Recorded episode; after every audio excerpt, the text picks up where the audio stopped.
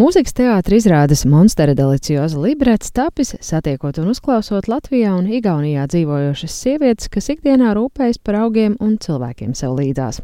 Bet, lai cik savādi nebūtu, režisorei Barbarai Lehtnai viss sākās nevis ar augiem, bet ar futbola bumbu un kādu nejaušu satikšanos. Yeah, well, the very first glimpse of this idea actually came to me one and a half years ago. Idejas aizmetņi radās pirms pusotra gada, kad es savā dzimtajā pilsētā Pārnavā nejauši uz ielas satiku skolas apkopēju, kur nebiju redzējusi 20 gadus.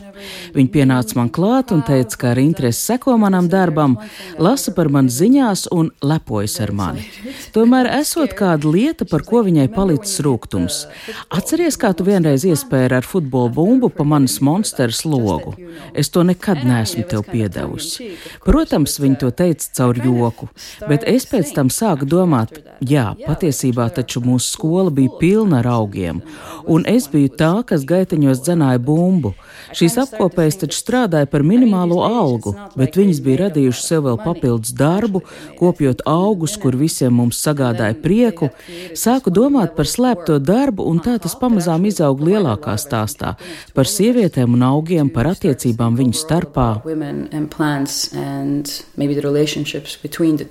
Barbara uzrunāja sadarbībai dramaturģi Lindu Krūmiņu un kopā sāka meklēt sievietes, kas rūpējas par telpaugiem. Caur šīm rūpēm pamazām atklājās arī sieviešu dzīves stāsti, prieki un raizes stāsta dramaturģa. Mēs sākām ar uh, ideju, ka mums ir uh, jāatcerās tās vietas, kur mēs esam publiski bijuši, kādās bibliotekās, slimnīcās, skolās, citās iestādēs esam bijuši un esam novērojuši to kuplo augu skaitu.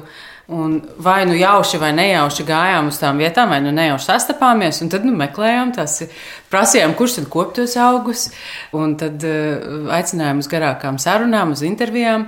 Kad es vienai no savām pazīstamām, kuras intervēju, vairākas dienas braucu pie viņas intervēju, pavadījām laiku kopā, runājām par augiem, gatavojām kopā. Es viņai prasīju dažādus šos jautājumus par augiem, kāpēc viņai šķiet, ka ir daži tādi, kuri ir atstāti savā vaļā, bet citi vairāk kaut kā tiek vairāk uzmanība pievērsta. Un tad, gribot, negribot, viņai nācās kaut kā pat bez manas tāda aicinājuma reflektēt, bet viņa pats sāk reflektēt par to, vai tas neiezīmē kaut kādas līdzības viņas attiecībās vispār pret pasauli, pret cilvēkiem. Un tas tāpat tā kā tie, tā sarunas par augiem tapa par tādu kā tiltu, lai kaut kā par sevi reflektētu. Daudzās intervijas sakausētas četros tēlos Režisore Barbara Lehtne tuvāk ieskicēja divus no tiem. There's at least three generations. The oldest character who is on stage, and, and all of these characters have been put together from several interviews. Izrādē bija pārstāvēts vismaz trīs paudzes. Vecākajai varonei ir ap 60 un 70. Tā ir strikta padomju laikos auguša sieviete ar augstu darba tikumu, kas ir viņas dzīves vaduguns. Viņa grib mainīties līdz laikam, bet tas nākas diezgan grūti, un viņa daudz laika pavada vienatnē. Senioru vientulība ir milzīga tēma, par ko daudz varētu runāt. Bērni dzīvo savu dzīvi, daži ir aizbraukuši uz ārzemēm. Šīs varonas prototyps jau 17 gadus strādā dzelzceļa stacijas toaletē un tur ir kā īstos džungļos. Šī tolete ir pilna ar istabas augiem. Un šī sieviete arī par cilvēkiem domā līdzībās ar augiem. Gaisma visiem viena, bet katrs noliecas uz savu pusi. Klausījos, kā viņa runā, un čubina manas puķes. Viņa tik labi tagad pelnot, man vairs nevajagot strādāt. Another character who is perhaps 45, 67, something like that, is a woman who Citai varonai ir starp 40 un 50. Viņai ir māja un ģimene, un viņas lielākā problēma ir garlaicība. Viņa dzīvē tiek galā ar dažādām problēmām, bet nekas viņu pārāk neaizrauj. Viņa iet uz zumbu, bet elpot vieglāk nekļūst. Viņai iestudējumā pieder dziesma par siltajām grīdām. Tagad es piespiežu vienu dārgu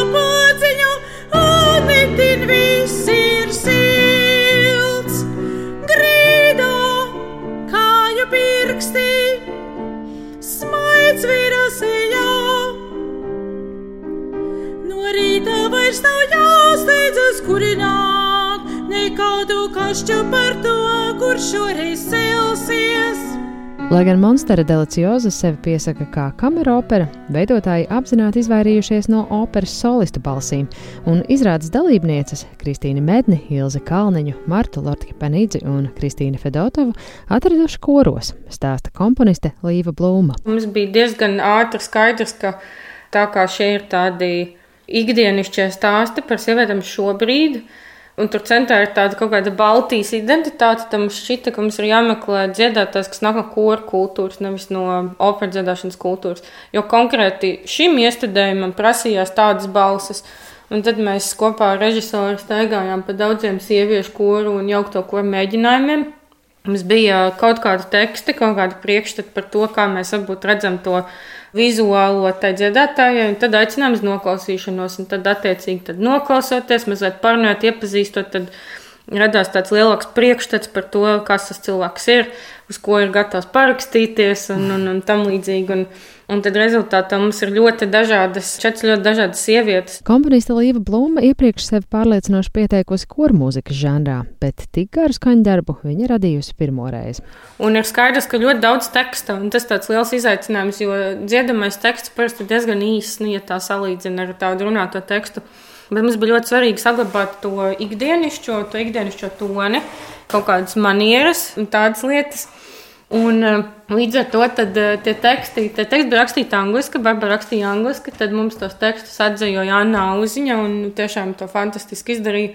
Un tad es vēl veicu kaut kādas pēdējās korekcijas tieši rakstot to muzikālo materiālu, jo kaut kur varbūt kaut kāds zilbi skaits liekas, ka nedara vai, vai tam līdzīgi.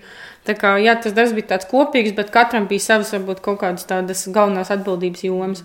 Un kāds bija tas tavs darbs, radot mūziku šim materiālam? Nu, es, eh, kāds tikko teica, es radīju mūziku, bet uh, tas process bija diezgan citādāks kā citas reizes ar uh, citiem vokāliem darbiem, jo šajā gadījumā ļoti bieži viss nesākās ar kaut kādu konstruētu harmonisko plānu un visādām citādām lietām, bet uh, vairāk kārt pie vairākām ārijām darbs noritēja kā tādam dziesminiekam, to tekstu kaut kā izdziedot vispirms, un tad pēc tam pierakstot, jo parasti tas ir otrādi. Bet kādēļ vispār stāstīt šādu stāstu laikmetīgās operas žanrā, nevis vienkārši kā teātris izrāda ar runātu tekstu? To es jautāju režisorei Barbarai Lehtnē. Es pati nāku no laikmetīgās dejas un fiziskā teātra pasaules, tāpēc man ļoti interesē, ko muzika var paveikt, ja runātā teksta izrādē nav. Ar patiku secināju, ka daudz ko. Igaunu dzēniece Kristīna Ehina ir teikusi, ka muzika ir visšķidrākā no mākslas formām. Tā izplūdīs caur tavu ķermeni, gribi to vai nē. Arī mūsu izrādē tā notiek. Esmu ļoti priecīga, ka atradām komponisti Līvu Blūmu. Šī sadarbība ir brīnišķīga. Wonderful collaboration with her.